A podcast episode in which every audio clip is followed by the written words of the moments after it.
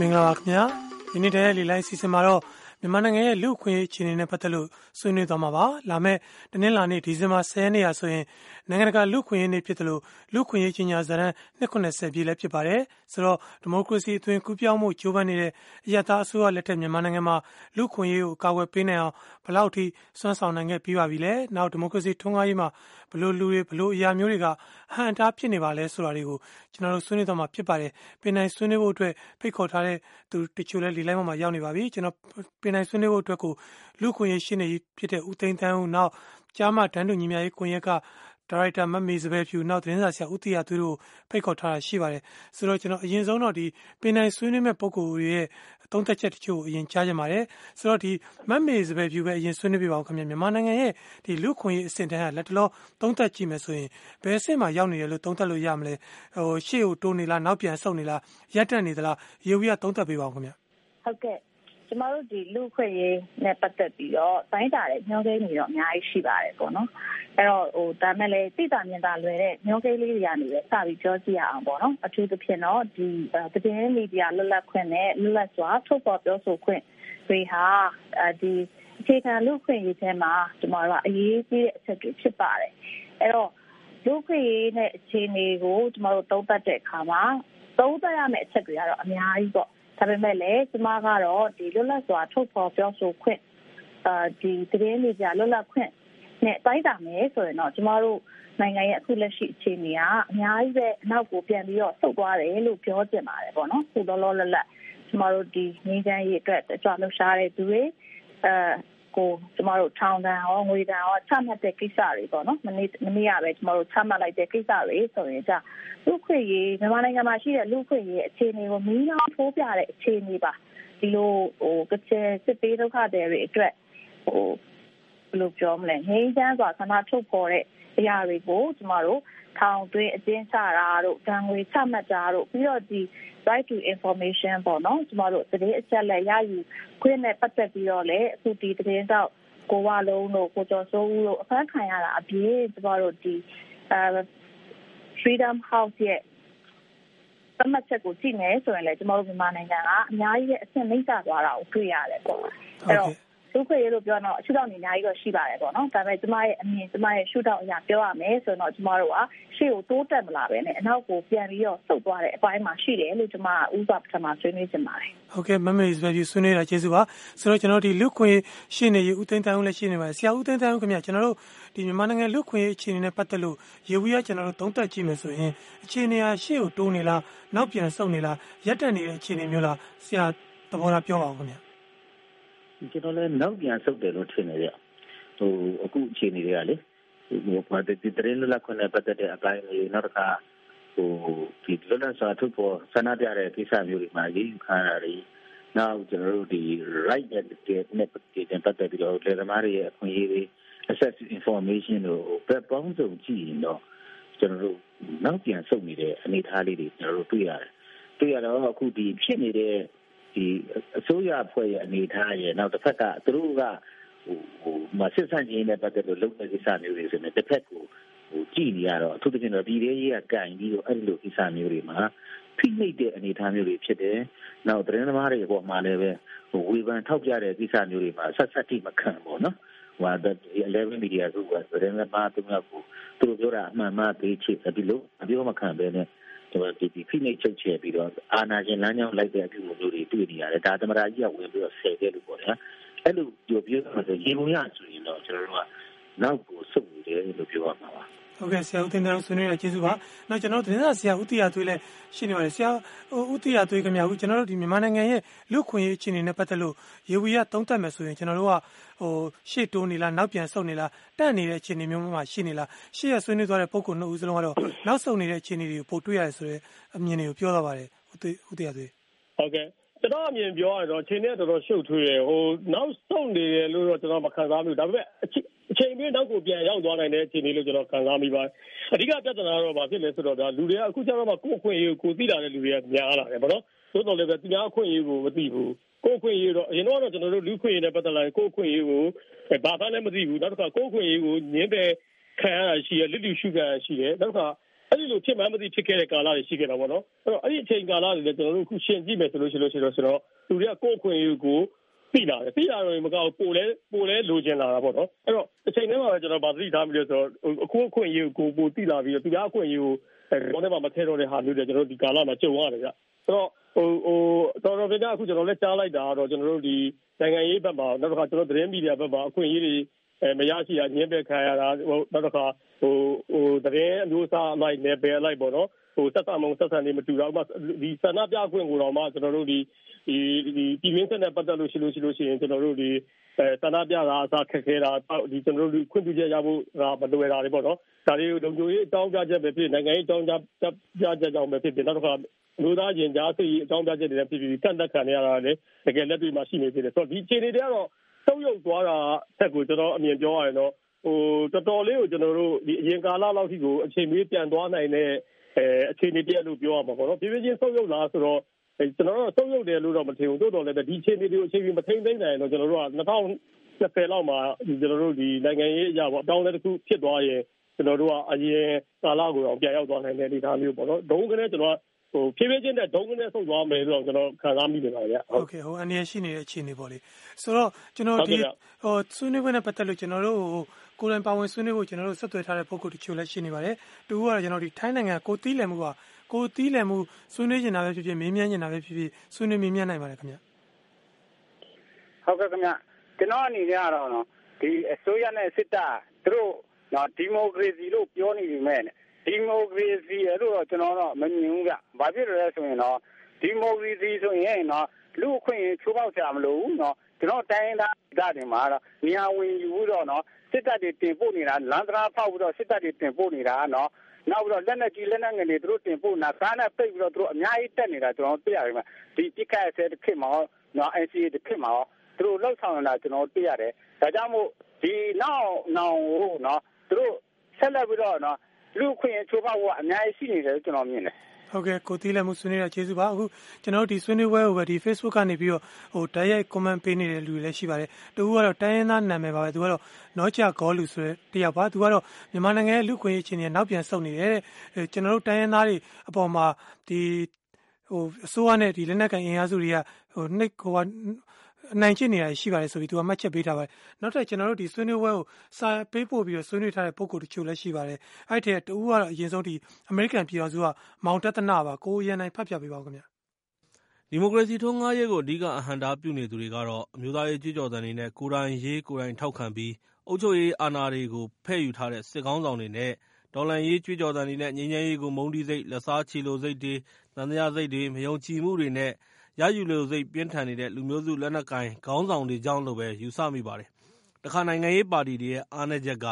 ဒီမိုကရေစီအသွင်ကူးပြောင်းရေး အောင်မြင်ချောမွေ့ဖို့ အစိုးရနဲ့ ဘယ်လိုပူးပေါင်းဆောင်ရွက်ရင် ကောင်းမလဲဆိုတဲ့ စဉ်းစားတွေးခေါ် အကြံပြုကြတာထက် မိမိတို့ပါတီ အောင်နိုင်ရေးကိုသာ ပိုမိုအလေးထား ဆောင်ရွက်နေတာတွေကလည်း အဟန့်အတားဖြစ်နေတယ်လို့ ယူဆမိပါတယ်။အဆိုးဆုံးကတော့ အစိုးရအနေနဲ့ ဒီမိုကရေစီရဲ့ ကျောရိုးဖြစ်တဲ့ တရားဥပဒေစိုးမိုးရေးနဲ့ တရားစီရင်ရေးမဏ္ဍိုင် တည့်မတ်တည်ငြိမ်အောင် လုပ်လို့မရအောင် စစ်ခေါင်းဆောင်တွေက ပြည်ထဲရေးနဲ့ တရားစီရင်ရေးမဏ္ဍိုင်ကို ထိန်းချုပ်ထားခြင်းပါပဲ။အုပ်ချုပ်ရေးအာဏာလည်း အပြည့်အဝမရှိ၊ဒီမိုကရေစီစနစ်ကို အာမခံချက်ပေးထားတဲ့ အခြေခံဥပဒေလည်းမရှိ၊ဥပဒေပြုခွင့် အခွင့်အရေးတွေလည်း အကန့်အသတ်တွေကြားထဲက လွတ်လပ်စွာ အသင်းအဖွဲ့တွေ ဖွဲ့စည်းခွင့်ရတာတွေ၊ဆွေးနွေးခွင့်ရတာတွေ၊ဧည့်စာရင်းတိုင်ကြားခွင့် မလိုတော့တဲ့ကိစ္စ၊လွတ်လပ်စွာ ခရီးသွားလာခွင့် ရရှိလာတဲ့ကိစ္စတွေ၊ပုဒ်မ ၅ ည ပျောက်သွားတဲ့ကိစ္စတွေဟာ ထင်ရှားတဲ့ လူ့အခွင့်အရေး အကာအကွယ်ပေးရေး စွမ်းဆောင်ပေးနိုင်ခဲ့မှုတွေလို့ပဲ ယူဆမိပါတယ် ဟုတ်ကဲ့ဒါတော့ဒီအမေရိကန်ပြည်ထောင်စုကမောင်တသနာရဲ့ပေးစာပါဆောစောကကျွန်တော်တို့ဟိုလူခွင့်ရေးချင်းနဲ့ပတ်သက်လို့မြန်မာနိုင်ငံမှာနောက်ပြန်ဆုတ်တဲ့အခြေအနေတွေရှိတယ်ဆိုပြီးတောတရှင်တွေကလည်းဆွေးနွေးချက်တွေတော်တော်များရှိပါတယ်ဒါပေမဲ့တစ်ချိန်နဲ့မှာပဲဆောစောဒီဒီမောင်တသနာရဲ့ထောက်ပြချက်ထဲမှာဒီတိုးတက်မှုအပိုင်းတွေရှိတယ်ဆိုပြီးသူ့အမြင်ကိုသူပြောရတယ်လည်းရှိပါတယ်ဆိုတော့ဆရာဦးသိန်းသန်းဦးခင်ဗျကျွန်တော်တို့အနေနဲ့ဟိုလူခွင့်ရေးအခြေအနေနဲ့ပတ်သက်လို့တိုးတက်မှုအပိုင်းတွေအနေနဲ့ရောပြောနိုင်တဲ့ဟာမျိုးတွေမရှိတော့ဘူးလားဆရာ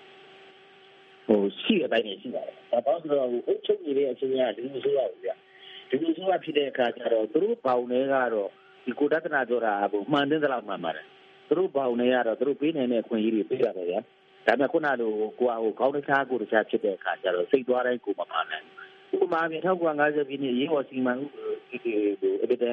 ဖောက်ပြန်တဲ့ဥပဒေမျိုးဖြစ်သိမ်းနိုင်တာအမှန်ပဲဗျ။နောက်ဒီနိုင်ငံရေးကျင်းသားတွေကိုအဓိကအားဖြင့်ရည်စူးတဲ့အင်္ဂလိပ်က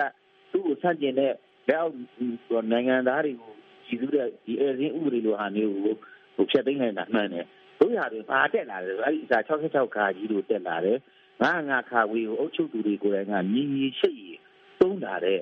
အနေအထားတွေရှိနေတယ်ဗျအရှိနေတော့ဒုခွင့်ကြီးအနေနဲ့ပြောရရင်တော့ခုနကဒီကျွန်တော်တို့ဒီပြည်တွင်းကြီးကြီးနဲ့ပတ်သက်ရင်ပြည်တွင်းစစ်နဲ့ပတ်သက်ဆက်ဆက်ထိမခံတဲ့နေသားမျိုးတွေဒါပေမဲ့အစိုးရလည်းဒါကတော့ကြည်နေရတာပေါ့ဗျာနော်တစ်ဖက်ကဟိုဒါမျိုးလုံးဝအပြောမခံတာအာ ဒါမျိုးနဲ့ပတ်သက်လို့ ဘယ်လိုမှပြင်းလို့ခွင့်မပေးတာ သတင်းလက်ခွင့် ဆိုရမှာလည်းပဲဟိုတုံညိုကြီးအကြောင်းပြချက်နဲ့ပေါ့ဗျာ သတင်းတွေကိုဒီဖိမိတာတွေကတော့ ရှိနေတာ အမှန်ပဲကဟိုကျွန်တော်တို့ အခြားကဏ္ဍတွေက ပြောလို့ရပါတယ် ကျမကြီးပညာရေးတို့ တိုးတက်တာတွေ ရှိပါတယ် ကျွန်တော်တို့ ခေါင်းအီးအီးထားပြီးတော့ ဒါဒါလည်း လူခွင့်တွေပြောရင်ရတာပေါ့ဗျာဒါလိုပြောလို့ ညလာဖမ်းမှာ မကြောက်ဘူးဒါလည်းကိုယ်ဆုံးရဖြစ်တာတို့ရတယ်ခုနလိုဘယ်လိုလားအပ်တဲ့ အစိတ်ပိုင်းတွေရှိတယ် နောက် သူတို့က ဖိနှိပ်ချုပ်ချယ်မှုတွေ လုပ်နေတယ် အဲ့တော့ ဟိုအစိုးရရင်လို့ပေါ့တိုင်းပြည်ရဲ့မျက်မှောက်အခြေအနေကတော့ကျွန်တော်တို့အကန့်အသတ်အဟန်တားတွေရှိနေတဲ့အတွက်နောက်ဆုတ်တယ်လို့ပဲကျွန်တော်တို့ပြောမှာပါဟုတ်ကဲ့မတ်မေစပယ်ဒီသဘောထားခင်ဗျကျွန်တော်တို့စောစောဒီမောင်တတနာရဲ့ပေးစာမှာတော့သူကတိုးတက်မှုတချို့ရှိနေတယ်ဆိုပြီးသူကထောက်ပြထားတာရှိတယ်ဆိုတော့ကျွန်တော်တို့ကလူခွင့်ရေးအခြေအနေနဲ့ပတ်သက်လို့ဒီအရသာဆိုးလက်ထက်မှာတိုးတက်တဲ့အပိုင်းတွေရှိတယ်ဆိုတာမျိုးပြောနိုင်တာတွေရောဗားတွေများရှိမယ်လို့ယူဆလဲခင်ဗျ ဟုတ်ကဲ့အဲ့တော့ကျမတို့ကအရာခတ်သိတော့အကျိုးမြင်နေရတော့မဟုတ်ဘူးပေါ့လေအဲ့တော့ဟိုတိုးတက်ပြောင်းလဲတာတွေလည်းရှိပါတယ်ကျမတို့လည်းအဲ့ဒါကိုတော့ထောက်ခံပါတယ်ပေါ့ဥပမာကျမတို့အရာခတ်လူမှုဖွဲ့စည်းတွေအနေနဲ့ပေါ့အထူးသဖြင့်ဒီအမျိုးသမီးခွင့်ရေးနဲ့အမျိုးသမီးများပေါ့အစမ်းဖတ်မှုလှုပ်ရှားမှုတွေကျမတို့လုပ်တဲ့အခါမှာအရင်အရင်အစိုးရလက်ချက်တွေတုန်းကချက်ပေါ့နော်အရင်နှစ်တွေတုန်းကချက်တော့ကျမတို့တွေအများကြီးပဲဒီတာဝန်ရှိတဲ့ သူတွေရဲ့အားပေးထောက်ခံမှုတွေလိုက်လျောမှုတွေပေါ့နော်အဲ့ဒါတွေကိုကျွန်တော်တို့ပုံမရရှိလာတာတွေလည်းရှိပါတယ်ပြီးတော့ဒီရဖလူမှုဖွဲ့စည်းလို့ပြောတဲ့အခါမှာလည်းအဲကျွန်မအမြင်ကတော့အကြောင်းအရာပေါ့မူတည်ရလို့ထင်ပါတယ်နိုင်ငံရေးနဲ့သက်ဆိုင်တာငင်းရေးနဲ့သက်ဆိုင်တဲ့ကိစ္စတွေမှာဆိုပြီးပို့ပြီးတော့ဟိုဟိုဆက်ဆက်ထိမခံဖြစ်ပြီးတော့ပေါ့နော်ဒါပေမဲ့လည်းတိတ်နိုင်ငံရေး အဲမနည်းလွယ်ဘူးလို့ယူဆတဲ့အကြောင်းအရာတွေဆိုရင်တော့လေဟိုတို့လိုက်လျောပေးနိုင်တဲ့အရာတွေလုပ်ပေးနိုင်တဲ့အရာတွေကိုတော့အရင်အစိုးရလက်ချက်ချက်ပေါ့အရင်နှစ်တွေထက်တော့ထက်တော့ပို့ပြီးတော့မှဟိုလိုက်လိုက်လျောလျောနဲ့ကုညီဆောင်ရွက်ပေးတာတွေစံပိုးပေးတာတွေတော့ရှိပါတယ်ဒါပေမဲ့လည်းကျမတို့ကဟိုရှေ့ ဖြစ်တလန်းတိုးရင်နောက်နှစ်လန်းဆုတ်တယ်လို့ဖြစ်တာပေါ့နော်ဟိုရေဘူးရအားဖြင့်ကျမတို့ကဟိုဆုံးကြည့်မယ်ဆိုရင်တိုးတက်ပြောင်းလဲမှုဘာမှမရှိဘူးလို့ပြောလို့မရပါဘူးကျမတို့တိုးတက်ပြောင်းလဲမှုတွေအနည်းငယ်ရှိတော့ညာလေဒါပေမဲ့အများစုကိုကျမတို့ခြုံပြီးကြည့်မယ်ဆိုရင်တော့လူခွင့်ရေးချိုးဖောက်ခံရတဲ့အခြေအနေတွေကိုလည်းဒီအယက်သားအစိုးရအနေနဲ့ပေါ့နော်ကျမတို့ဒီသူက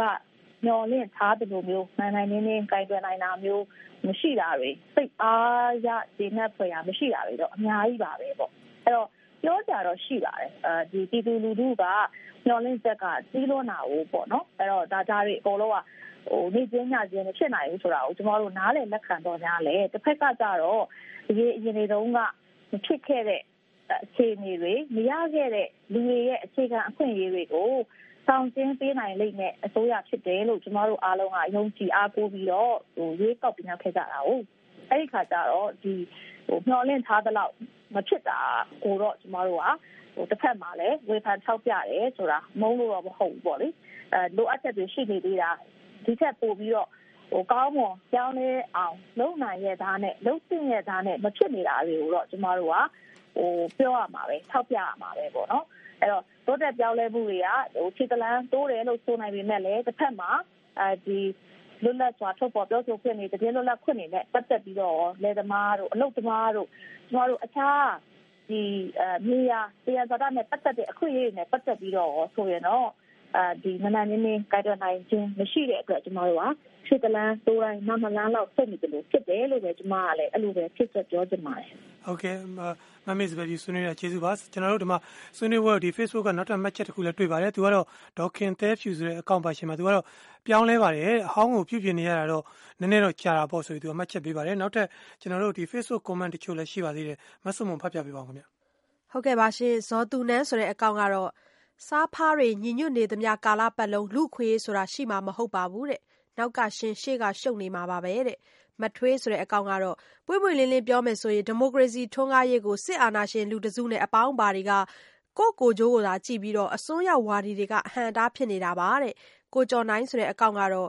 ဒီမိုကရေစီအသွင်ကူးပြောင်းရေးမှာ အဟန့်အတားဖြစ်နေတာကတော့ ၂၀၀၈ ဖွဲ့စည်းပုံအခြေခံဥပဒေပါ။ဒါကို ဘယ်သူမှ မပြင်နိုင်သေးပါဘူး။နောက်တခု စစ်တပ်ပါ။တိုင်းပြည်ကို ပျက်စီးအောင် စစ်တပ်က လုပ်နေတာပါ။ဘာကြောင့်လဲဆိုတော့ လူမျိုးတုံးသတ်ဖြတ်မှုတွေနဲ့ ICC အထိရောက်အောင် လုပ်ခဲ့လို့ NLD အစိုးရဘက်က ဘာမှလုပ်လို့မရဘူးဖြစ်နေပါတယ်။၂၀၀၈ ကိုလည်း သူတို့ မပြင်ရဲဘူး ငြိမ်နေတယ်။ဒေါ်စုကလည်း စစ်တပ်ကို မပြောရဲတော့ ပြည်သူတွေက ဘယ်သူ့ကို အားကိုးရမှာလဲဆိုတာ ပြောပါဦး။ ဟုတ်ကဲ့ကျေးဇူးပါနောက်စာတစ်စောင်းတော့ကျွန်တော်တို့ email နဲ့ပို့ထားတာပါဥတင်ငွေဆိုပြီးတော့အရသာအစိုးရလက်ထက်မှာလည်းလူခွင့်ရေးကာကွယ်ပေးခြင်းနဲ့ပတ်သက်ပြီးတိတ်ပြီးထိရောက်အောင်ဆောင်ရွက်နေတာမရှိဘူးလို့ထင်မြင်ယူဆပါတယ်တဲ့ယူဆတဲ့အကြောင်းက အခြားဘာသာဝင်ရဲ့အခမ်းအနားတွေကိုလိုက်ပိတ်ပင်ပိတ်ပင်တဲ့သူတွေကိုလည်းအရေးယူမှုမရှိလွတ်လပ်စွာယုံကြည်ကိုးကွယ်ခွင့်ဆိုတဲ့လူခွင့်ရေးကာကွယ်မှုမရှိခြင်းတိုင်းဒေသဒေသအထူးသဖြင့်တိုက်ပွဲများဖြစ်နေတဲ့ဒေသတွေမှာလည်းလူခွင့်ရေးချိုးဖောက်မှုတွေကဇက်တိုက်ဖြစ်နေတယ်လို့ကြားသိရခြင်းတရားဥပဒေစိုးမိုးမှုအားနည်းနေခြင်းဟာလည်းလူခွင့်ရေးချိုးဖောက်ဖို့အားပေးနေတယ်လို့မျိုးဖြစ်နေခြင်းတို့ကြောင့်လူခွင့်ရေးနဲ့ပတ်သက်လို့အကာအကွယ်ပေးနိုင်မှုအားနည်းတယ်လို့ဆိုရပါမယ်ဒီမိုကရေစီခွင့်ရေးကိုအမျိုးချစ်တာတို့ငါတို့ဘာသာမှငါတို့ဘာသာတို့လူမျိုးလူနည်းစုတွေအပေါ်နားလည်မှုမပေးနိုင်တာတို့ငါတို့မှမရှိရင်တိုင်းပြည်ပျောက်သွားမယ်ဆိုတာတွေကအနောက်ရှက်ဖြစ်စေသလို2008ဖွဲ့စည်းပုံအခြေခံဥပဒေကတော့ဒီမိုကရေစီရဲ့အဟန့်အတားခေါင်းကျုံလို့ ထင်မြင်ယူဆပါတယ်ခမားဆိုပြီးသူကရေးပါတယ်ဆိုတော့ဟိုသတင်းစာဆရာတူအနေနဲ့ဆရာဦးတီယာသူရဲ့အမြင်လဲကြားကြပါတယ်ဆိုတော့ကျွန်တော်ဒီမိုကရေစီတိုးတက်ရေးမှာဘာတွေကအဓိကအဟန့်အတားဖြစ်နေတာလဲလူလားစနစ်လားတချို့ကတော့အခု2008ကြောင်လို့လဲပြောတယ်တချို့ကကျတော့လဲဒီလိုဟိုအစွန်းရောက်တဲ့လူတွေရဲ့ဟိုလောက်ရတဲ့ကြောင်ဆိုပြီးထောက်ပြရလဲရှိဆိုတော့ကျွန်တော်စီမှာဖြစ်နေတာကအဓိကအဟန့်တာလူလားစနစ်လား အဓိကတော့ဗျာဟိုတစ်ခုလုံးလို့ပဲပြောရမှာပဲဒါကြောင့်ကျွန်တော်စောစောအစပိုင်းမှာကျွန်တော်ပြောတဲ့ခါမှာကျွန်တော်တို့ရဲ့အခြေအနေရှုပ်ထွေးနေတယ်ဆိုတာကဒါကိုပြောတာဗျာဘာလို့ဆိုတော့ကျွန်တော်တို့ဒီစာအုပ်အစိမ်းကြီးပေါ့နော်2008အခြေခံဥပဒေကလည်းသူကအဲဒီမိုစီအခွင့်အရေးတော်တော်များပေးထားတယ်ဗျာတော့ပြန်ပြီးတော့ပိတ်ထားတဲ့ဘိုင်းတော့ရှိတာပေါ့သူကလည်းတော်တော်ပေးထားတယ်ပြီးတော့ကျွန်တော်တို့အခုအုပ်ချုပ်နေတာလေဒီမိုစီအစိုးရတခါတစ်ချိန်လုံးကျွန်တော်တို့ဒီမိုစီအတွက် အတိုက်ခံလုပ်ခဲ့တဲ့ကျွန်တော်တို့ဒါဒီမိုစီခေါင်းဆောင်တော်စန်းစုကြည်ကိုယ်ဦးစီးဦးဆောင်လုပ်နေတဲ့ကျွန်တော်တို့အစိုးရပေါ့နော်ဆိုတော့ဒီလိုအခြေအနေမျိုးမှာဒီခွင့်နဲ့ပတ်သက်လို့အခုလိုမေးခွန်းထုတ်စရာတွေရှိတာကဘာကြောင့်လဲဆိုတဲ့အခါကျွန်တော်ကျွန်တော်စီစစ်ခါကျနှစ်ခုလုံးရှိတယ်ဘာဖြစ်လို့လဲဆိုတော့လူကလည်းတတ်တနာကကျွန်တော်တို့ဒီကျွန်တော်တို့ဒီထုံချုပ်မှုတွေလူတွေရဲ့မျက်နှာမှုတွေလူခွင့်ဆိုင်ရာမျက်နှာမှုတွေနဲ့ပတ်သက်ပြီးတော့ဟလာဟိုအမခံပြီးရက်တည်ရမယ်ကျွန်တော်တို့ဒီဒီဒီဟိုကျွန်တော်တို့တရားရုံးဟာမျိုးတာလူအဟောင်းတွေနဲ့ဖွဲ့စည်းထားတာ ဆိုတော့သူတို့ကအကျင့်နဲ့ခြားစားမှုတွေရှိတဲ့ခါကျတော့ကျွန်တော်တို့အခွင့်အရေးဘက်ကနေမရနိုင်ဘူးဘဝေတို့အာနာတို့ဘက်ကလည်းသူတို့ကရက်တည်နေတယ်ဒီလိုအဆောက်အဦတွေဒီလိုအခြေခံအဆောက်အဦတွေကလည်းကျွန်တော်တို့ဒီဟိုပေါ့တော့ဒူဟောင်းတွေစီးတင်ထားတဲ့အတွက်ကြောင့်မလို့ကျွန်တော်တို့ဒီလူတွေရဲ့အခွင့်အရေးတွေဘက်ကနေပြီးမရက်တည်နိုင်ဘူးအခွင့်အရေးပေါ်မှာစံချိန်စံညွှန်းတစ်ခုဒေတာဒီမိုကရေစီစံချိန်စံညွှန်းနဲ့ညီရက်တည်နိုင်တာမျိုးမရှိတာလေဒါတာရကတစ်ခုပေါ့နော်ဆိုတော့နောက်ပြဿနာတစ်ခုကကျွန်တော်စိုးရိမ်မိတယ်အမှန်တန်စိုးရိမ်မိတဲ့အချက်တစ်ခုကဘာလဲဆိုတော့ဒီဟိုဟို ဒီမိုကရေစီကိုအချိန်မရွေးကျွန်တော်တို့ဟိုဆွဲထားလိုက်နိုင်တဲ့အယူဆတစ်ခုက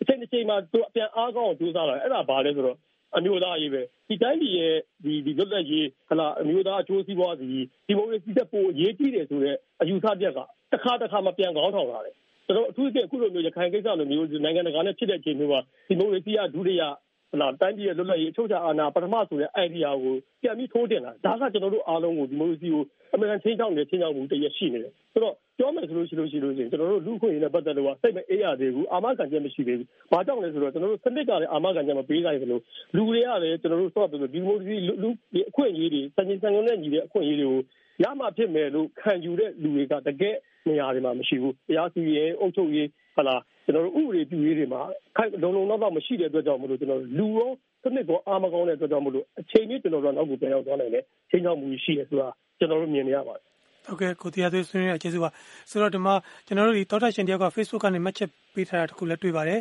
ဆိုတော့ဒေါခင်အေးအေးမူတဲ့သူကတော့စနစ်တစ်ခုကိုချုပ်ကင်ထားတဲ့လူတွေကြောင့်အဟန်တာဖြစ်နေတာပါဆိုပြီးသူကမှတ်ချက်ပေးပါတယ်ဆိုတော့ကျွန်တော်တို့ဒီဆွေးနွေးပွဲအတွက်ကိုကျွန်တော်တို့ email နဲ့ဆွေးနွေးထားတဲ့ပုံကိုတယောက်လည်းရှိနေပါသေးတယ်ဥလာထွန်းတကုံမျိုးတစ်က ပေးစာပါနန်းလောင်မဲ့ဖတ်ပြပေးပါဦးခင်ဗျစနေစကဝိုင်းမှာကျွန်တော်လည်းဆွေးနွေးပြရစေလူအခွင့်အရေးနေ့ဟာအခုနှစ်80ပြည့်ခဲ့ပြီးကျွန်တော်တို့မြန်မာနိုင်ငံမှာ1988ခုနှစ်ရှစ်လေးလုံးအရေးတော်ပုံကာလဒီဇင်ဘာလ10ရက်နေ့ဒီငိမ့်အဖွဲ့ချုပ်မှာပထမဆုံးအကြိမ်ဖြစ်ကျင်းပခဲ့တာဟာလည်းအခုအနှစ်30ပြည့်ခဲ့ပါပြီ။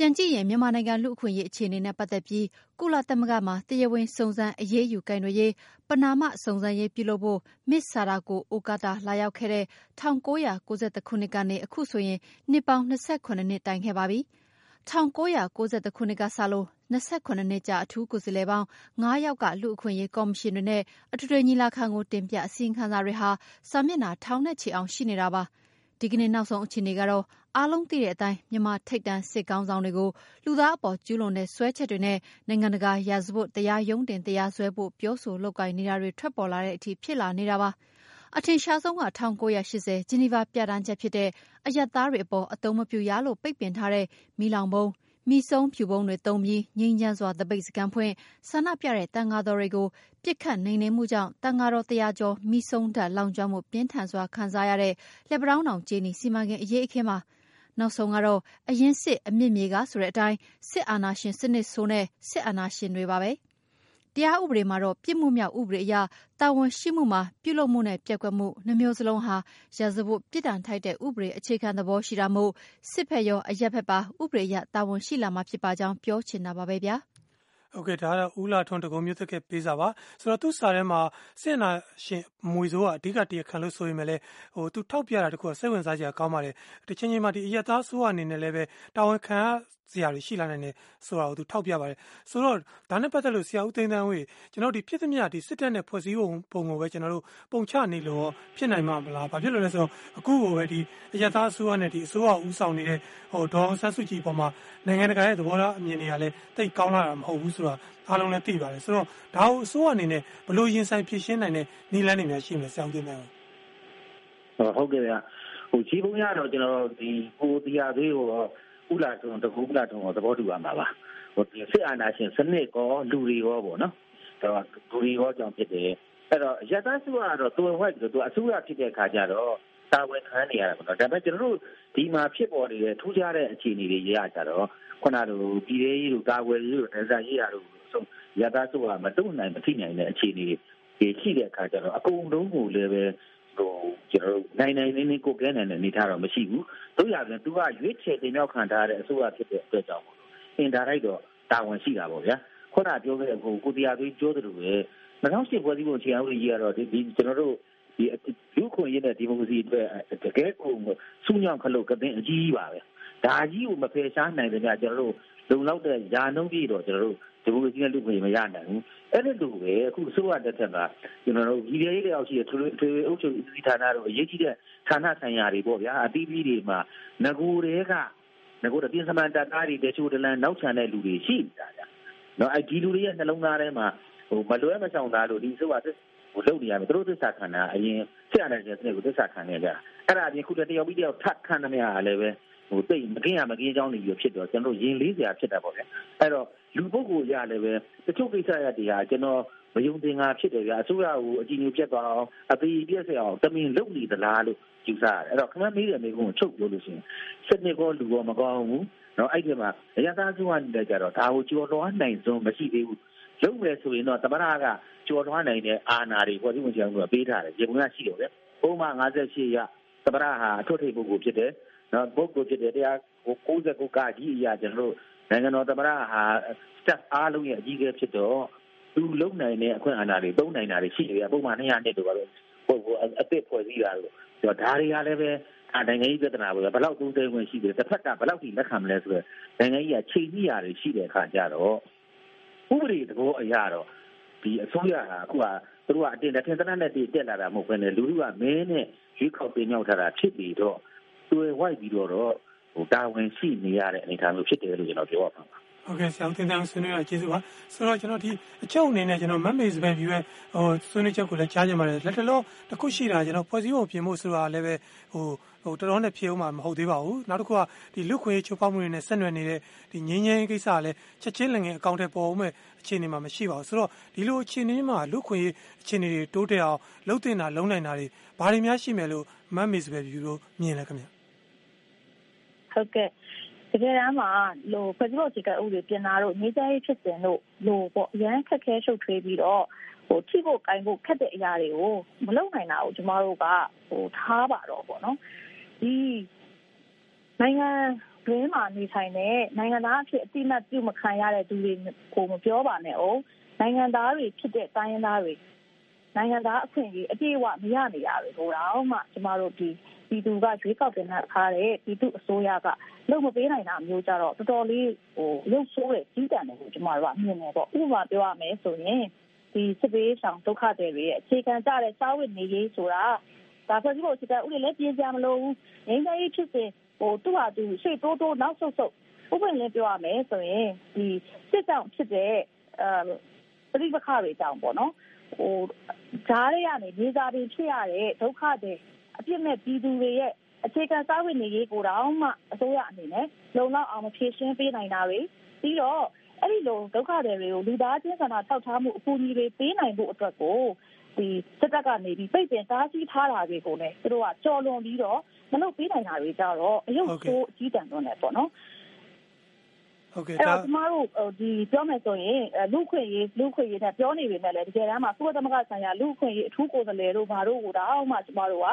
ဟိုဆန္ဒပြတာတို့ပေါ့နော်အစိုးရကိုယ်တိုင်ကလည်းအကောင်းမြင်နာနဲ့အဲဒီအပြုသဘောနဲ့လက်ခံတာတို့ရှိနေတာတွေဟာဟိုလုံနိုင်ရဲ့သားနဲ့ကျမတို့တွေဟာ